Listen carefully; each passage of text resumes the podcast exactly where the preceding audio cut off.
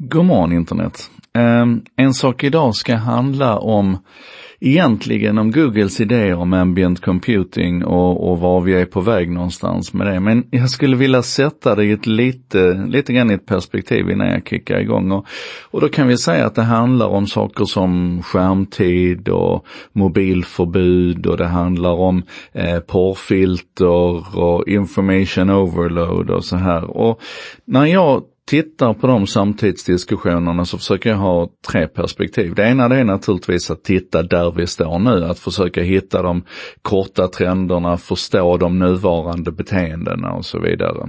Eh, det andra det är att titta bakåt i tiden och hitta fantastiska saker som om du följer mig på Facebook så såg du förmodligen här nu i förra veckan när jag postade lite, lite skärmdumpar ifrån eh, handbok för hemmet från 1903-1904 där någonstans. Där man man pratar om hur viktigt det är att begränsa barnens bokläsande och, och läser man så blir man dum och hur man måste vägledas in i sitt läsande och hur man inte ska läsa alls de första åren och sådär. Och, och sånt kan vi ju bara hitta hur mycket av som helst. Och på vilket område egentligen där vi försöker eh, analysera nutiden och se att här har vi ett aktuellt problem så kan vi nästan alltid backa tillbaka och säga att det problemet har vi haft förr också. Eh, och, och nästan alltid så visar det sig att vänta här nu, det var ju faktiskt inget problem. Men det tredje perspektivet är att försöka titta bortom där vi är idag. Att försöka, utan att förhäva sig, försöka förstå vart är vi på väg någonstans och vad har vi för någonting över kullen eller, eller runt hörnet. Och en av de saker som jag är jätteinspirerad av idag, det är ju det faktum att vi just nu börjar prata mer och mer med prylarna. Det finns en idé om att vi ska, att vi ska kommunicera mer med rösten och med det så följer någonting som vi kanske har saknat i vår textbaserade kommunikation kommunikation med, med sökmotorer och i sociala medier och sådär, det är att vi får med en nyans till så att när du viskar till Alexa så viskar hon tillbaka. Och en av de tydligaste drivkrafterna här runt detta nu, det är hur Google jobbar med ambient computing, alltså att din, din assistent ska hela tiden vara närvarande egentligen. Du ska ge henne tillstånd att, att lyssna på dig hela tiden, att analysera allting du gör hela tiden. Och på det viset kunna vara både artig och, och förutseende och, och omtänksam. Jag brukar prata om thoughtful, jag har gjort det tidigare. Och det som, det som får mig att, att dra iväg i den här riktningen nu, det är naturligtvis att Google precis har släppt det man kallar för ambient mode. Och det är alltså när en, en telefon, inte deras egna pixels, det kommer komma någonting annat för dem så småningom, men alla andra i princip Android-telefoner från Sony och Nokia och Xiaomi också, så jag har ju testat det här nu på min, min, min Note 10. Det är att när den, när den ligger och laddar, alltså när den inte är aktiv så passar den på att använda hemskärmen till olika saker som den då kan anta att du är intresserad av. Det är naturligtvis klockrena saker som nästa sak i kalendern och, och väder, eh, eh, vad heter det, eh, projections, prognoser, väderprognoser framåt, vädret just nu, eh, resande och sådär. Men över tid så blir det här mer och mer eh, komplext eller komplicerat, mer och mer intelligent.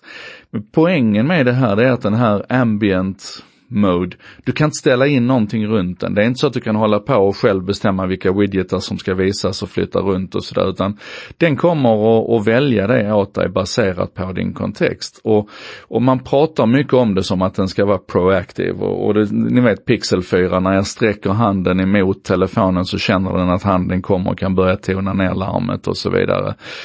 Um, och det här är en, en sjukt spännande utveckling tycker jag, för vad den pekar på det är att, att, att, att vi kommer att vara inbäddade i det här på ett sätt som, som förbereder oss för brain to computer interface.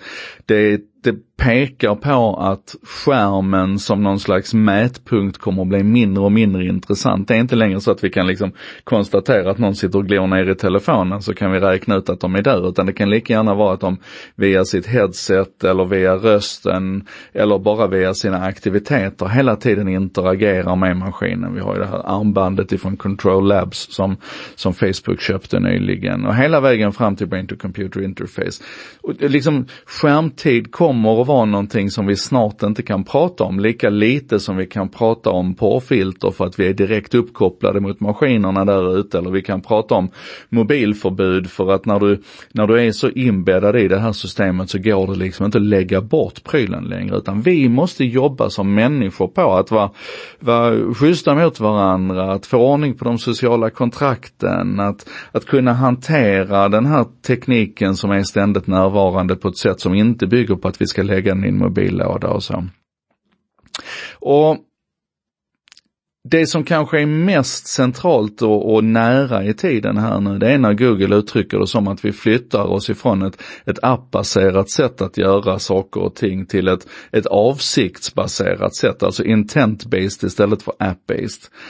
Och i den, den enkla frasförändringen där, i den enkla perspektivvändningen att, att vi går ifrån att vi ska in i vår skärm, klicka på en applikation, välja rätt funktion i applikationen, göra det vi vill, gå ur den applikationen, gå in i en annan applikation för att göra nästa sak vi vill göra. Så kommer vi att röra oss sömlöst i den här miljön istället. Och, och ur mitt perspektiv så är det fullständigt självklart att det är dit vi är på väg. Och då handlar det ju om, som jag sa, förstå var vi kommer ifrån, förstå var vi är nu, men också utifrån en idé om den här riktningen som vi är på väg mot, utan att ens behöva diskutera vilka tidsperspektiv vi pratar om.